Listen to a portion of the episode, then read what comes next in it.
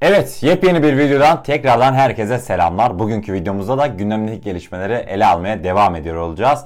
Hemen videomuza geçeceğim fakat eğer kanalımıza ilk defa gelmekteyseniz kanalımıza abone olarak bizlere destek olabilirsiniz. Videomuzu da gerçekten beğenmişseniz, beğenirseniz çok mutlu oluruz diyorum ve İsterseniz her zamanki gibi videomuzun işleyiş planından sizlere birazcık bahsedeyim. Sevgili dostlar bugün 4 farklı konu başlığını ele alacağız. Bu konu başlıklarından ilki Libya ordusunun beklenen Sirte operasyonu. Sirte operasyonu hakkında önemli gelişmeler var. O gelişmelere ilk konu başlığımıza hep birlikte göz atacağız. İkinci konu başlığımızda ise Almanya, Fransa ve İtalya'nın liderlerinden ortak bir açıklama geldi. Libya hakkında yapmış oldukları açıklamaların detayına da ikinci konu başlığımızda hep birlikte göz atacağız. Üçüncü konu başlığımızda ise çok önemli bir gelişmeydi. Rusya Ermenistan sınırında bir tatbikat yapacak. Üçüncü konu başlığımızda Ermenistan sınırında yapılması planlanan bu tatbikata yakından göz atacağız. Dördüncü ve son konu başlığımızda ise hazır Ruslar Ermenistan sınırında tatbikat yapıyorken Ermenistan'daki Rus varlığını da sizler için araştırmak istedim. Dördüncü ve son konu başlığımızda da Ermenistan'daki Rus varlığına hep birlikte göz atacağız inşallah. Konu başlıklarından bahsettim. O zaman isterseniz gelin ilk haberimiz Libya'daki Sirt operasyonuna hazırlığın detayları şu an karşınızda.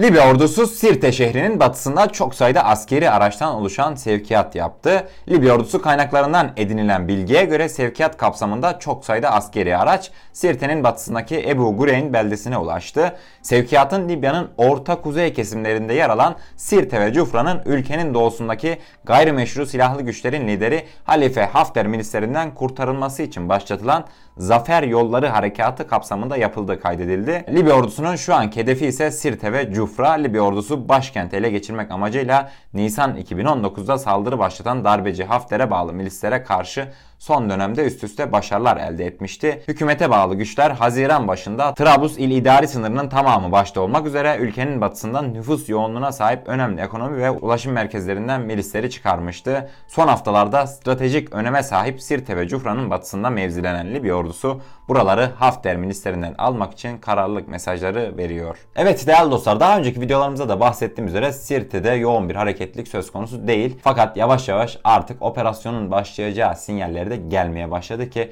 bunun en büyük kanıtı operasyonun isminin belli olması. İnşallah önümüzdeki günlerde olası Sirte ve Cufra operasyonunun ismi Zafer Yolları olacak. Umarım ismi gibi zaferle sonuçlanır. Ulusal Mutabakat Hükümeti çok kısa bir sürede Sirte ve Cufra'yı teröristlerin elinden kurtararaktan Libya halkı huzura erişir diyorum. Şimdi sevgili dostlar hazır Libya'dan bahsettik ve sizler için basın kaynaklarını araştırıyorum tabi bu süreçte doğal olarak. Sirte operasyonu başlaya dursun yakın bir zamanda. Hafter'in Libya'da işlemiş olduğu suçlar. Biliyorsunuz Birleşmiş Milletler nezdinde bir araştırma komisyonu kurulmuştu Hafter'in suçlarını incelemek için. Anadolu Ajansı çok güzel bir infografik terminamos Gelin Hafter'in işlemiş olduğu suçlara çok yakından ve net bir şekilde göz atalım. Görmüş olacağınız üzere infografimizin başlığı Libya savaş suçlarını araştıracak UCM heyetini bekliyor. Libya ülkenin doğusundaki gayrimeşru silahlı güçlerin lideri Halife Hafter'e bağlı milislerin işlediği suçları incelemek üzere ülkeye gelecek Uluslararası Ceza Mahkemesi heyetini bekliyor. Milislerin ihlalleri arasında katliamlar, adam kaçırma olayları,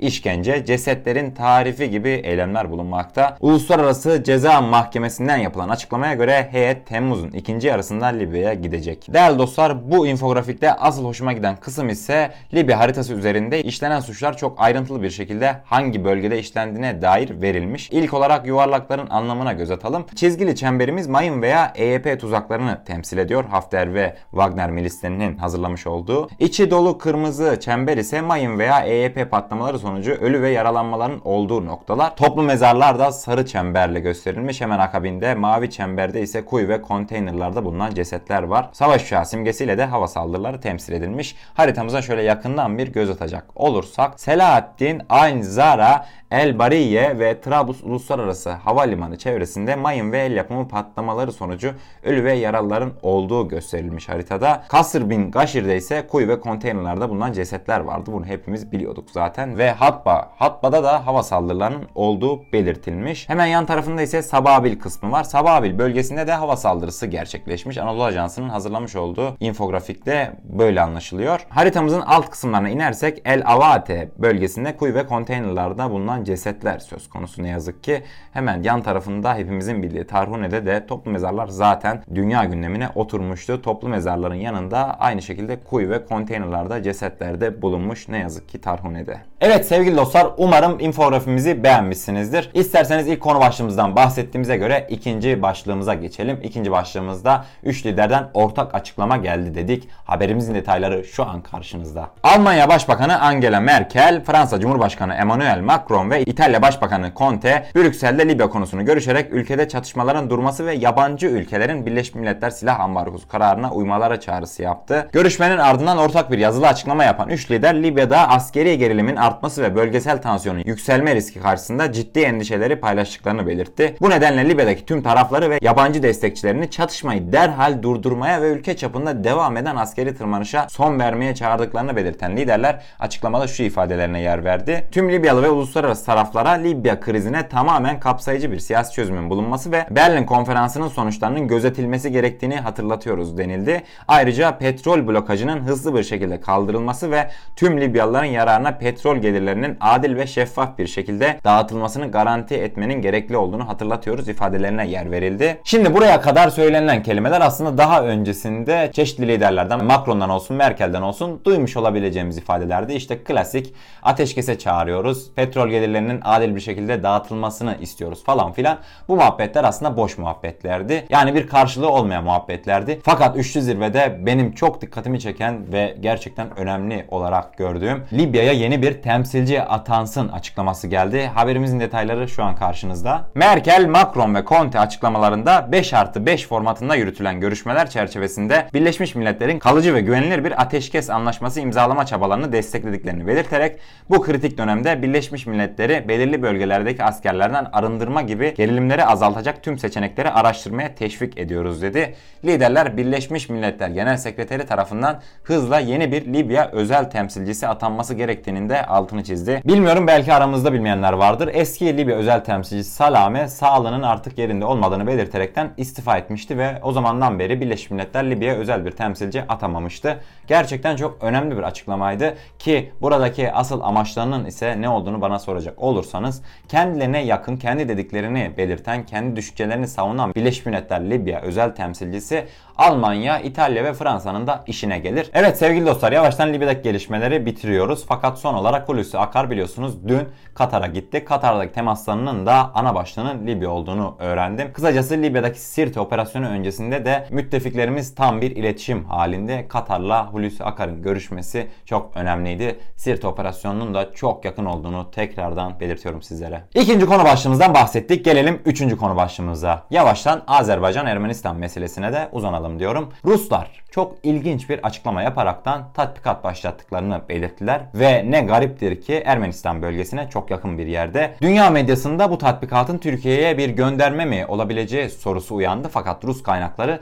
bu tatbikat zaten Rusya'nın olası her sene yapmış olduğu tatbikatlardan birisi diyerekten soruyu geçiştirdi. İsterseniz Rusların yapmayı planladığı tatbikatın detaylarına hep birlikte 3. konu başlığımıza bir göz atalım. Rusya çatışmaların yeniden alevlendiği Azerbaycan-Ermenistan sınırına yakın bölgede 150 bin askerin katılımıyla tatbikat başlattı.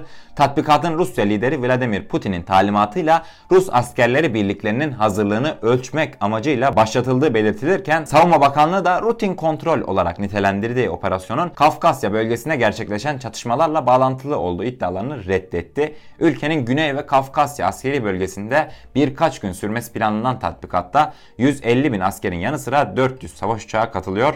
Öte yandan Rusya Dışişleri Bakanı Sergey Lavrov geçtiğimiz günlerde taraflara ateşkese uyma ve bölgede gerginliğin azaltılması yönünde çağrılarda bulunduklarını ifade etmiş ve istenildiği takdirde arabulucu olmaya hazır olduklarını söylemişti. Rusya'nın Güney Osetya ve Abhasya dışında Kırım, Sivastopol ile Ermenistan'da da askeri üsleri mevcut. Şimdi şunun altını çizmek istiyorum. 150 bin asker 400 savaş uçağı. Gerçekten çok büyük bir tatbikat. Yani belki de Rusya tarihindeki en büyük tatbikatlardan bir tanesi diyebiliriz. Sevgili dostlar dünyada çoğu ülkenin 400 tane operasyonel olarak kullanacağı savaş uçağı yok. Fakat sadece Ermenistan bölgesinde Ruslar 400 savaş uçağıyla tatbikat yapıyor. Her ne kadar yaşanan Azerbaycan-Ermenistan olaylarıyla ilişkili olduğunu reddetseler de aslında o olaylarla da alakalı olduğunu hepimiz biliyoruz. Bu tatbikatın hemen ardından ne olur diye bana soracak olursanız bir tatbikatta NATO patlatır. Ukrayna vesilesiyle Rusya'ya oradan bir güya psikolojik bir savaş açmaya çalışır. Evet sevgili dostlar 3. konu başlığımızdan bahsettik. Gelelim 4. ve son konu başlığımıza. Çok soru soruldu bana gerçekten Rusya'nın Ermenistan'daki varlığı nedir? Kaç tane Rus askeri üssü bulunuyor? Ve savaş araçları olarak Ermenistan'da neyi bulunduruyor? Rusya gibi sorular gelmişti. Bu sorulara cevaben de dördüncü konu başlığımızda Ermenistan'daki Rus varlığına göz atacağız. İsterseniz yüzeysel araştırmalarımın detayı şu an karşınıza bir gelsin. İlk olarak burada yıldızlı yerleri belirtmek istiyorum. Görmüş olacağınız üzere mavi yıldızlar NATO'nun üslerini yani Amerika Birleşik Devletleri de diyebiliriz. Üslerini temsil ediyor ediyor. Rus varlığı karşısında Gürcistan'da kurulmuş olan üsler işte Senaki, Kırtsanisi ve Veziani bölgesinde NATO'nun üsleri mevcut. Hemen akabinde ise bizim asıl bugünkü konumuz Ermenistan'da bulunan Rus üsleri.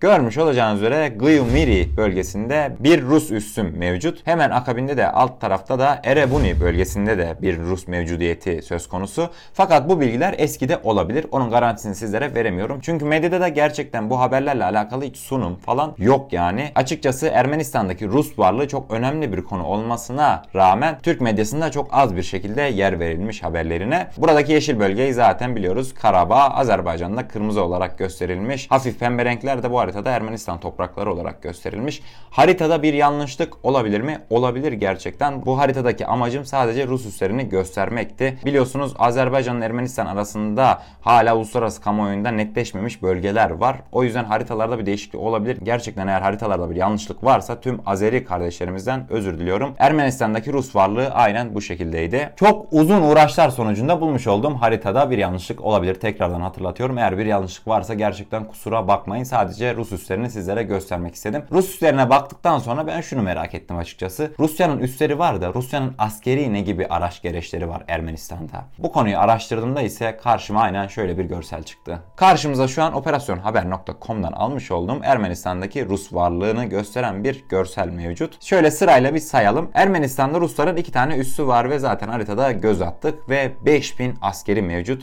Hemen akabinde 25 tane de karakol bulunuyor Ermenistan'da Rusya'nın. Yan tarafında roket atarlarla balistik füzelerin bulunduğu da söyleniyor. Onun yanında ise 120'den fazla zırhlı personel taşıyıcı araçta mevcut Ermenistan'da. 40 tane tank var ardından obüs topların bulunduğu zaten bilinmekte. Savaş uçağı olarak da MiG-29'lar ve Su-27'ler Rusya'nın Ermenistan'daki üslerinde mevcut. Hava savunma sistemi olarak da çok merak edilen bir konu gerçekten. S-300. S-300'ler Ermenistan'da Rusya'nın üstlerinde bulunmakta. Son olarak da askeri helikopter olarak Mi-24 Rusya'nın Ermenistan'daki üstlerinde bulunuyor değerli dostlar. Evet sevgili dostlar Rusya'nın Ermenistan'daki varlığına şöyle kısaca bir göz attık. Vermiş olduğum bu bilgiler kesinlikle doğrudur demiyorum. Çünkü gerçekten hiçbir kurumsal medyada böyle haberlere yer verilmiyor. Bunları gayri resmi yerlerden buldum. Ondan dolayı da vermiş olduğum bu bilgiler kesinlikle doğrudur diyemiyorum değerli dostlar. Son olarak videomuzu bitireceğiz fakat güzel bir haber. Azerbaycan Azerbaycan 6 adet TB2 Bayraktar SİHA'yı Türkiye'den satın almış. Açıkçası beklenen bir hamleydi. Biliyorsunuz Azerbaycan envanterinde daha çok İsrail yapımı Heronlar mevcut. Onların da ne kadar başarısız olduğunu biz çok iyi biliriz. Türkiye olarak çok canımızın yandığı ne yazık ki çok da şehit verdiğimiz bir konudur Heronlar. Heronlardan zaten bir haltta olmaz. Kardeş ülke, can ülke Azerbaycan'ın bizden almış olduğu Bayraktar SİHA'ları umarım hayırlı olur. Zaten Savunma Sanayi Başkanımız da geçtiğimiz günlerde Türkiye'nin elinde elindeki tüm imkan Azerbaycan'ın elindeki tüm imkana eşittir. Elimizdeki hiçbir şeyi Azerbaycan'a vermekten çekinmeyiz açıklamalarında bulunmuştu sevgili dostlar. Evet değerli dostlar bugünkü tüm konu başlıklarından bahsettik. Umarım sizlere doğru bir şekilde aktarabilmişimdir. Son olarak eğer kanalımıza ilk defa gelmekteyseniz kanalımıza abone olarak bizlere destek olabilirsiniz. Videomuzu gerçekten beğenmişseniz beğenirseniz çok mutlu oluruz. Ben daha fazla lafı uzatmıyorum o zaman. Her şey istediğiniz gibi olsun. Kendinize çok iyi bakın. Sağlıcakla.